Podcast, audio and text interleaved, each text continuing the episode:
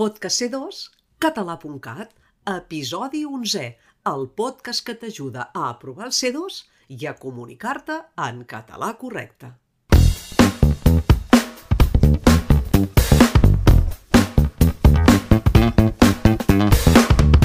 Que vulguem ajudar les altres persones està molt bé.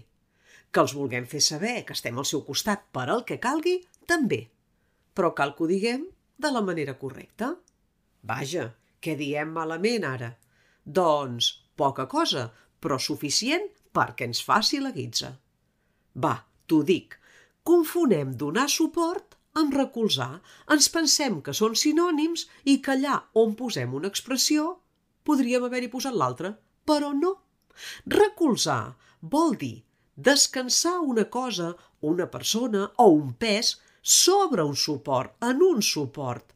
Recolzem, per exemple, una escala en una paret, o els colzes sobre la taula, o l'esquena en un armari. En canvi, donar suport vol dir ajudar o defensar una persona, una idea o un projecte. Per tant, direm, no et recolzis al banc perquè està acabat de pintar. I aquest projecte té tot el meu suport. I aquí no direm pas recolzament. I com és que ho confonem?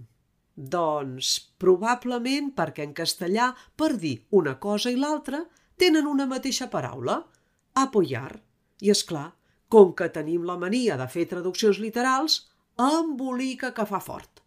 Però en català en tenim dues de paraules, una per a cada significat. No és tan difícil, oi? Doncs ja ho saps. Tens tot el nostre suport si vols seguir avançant en el domini de la llengua.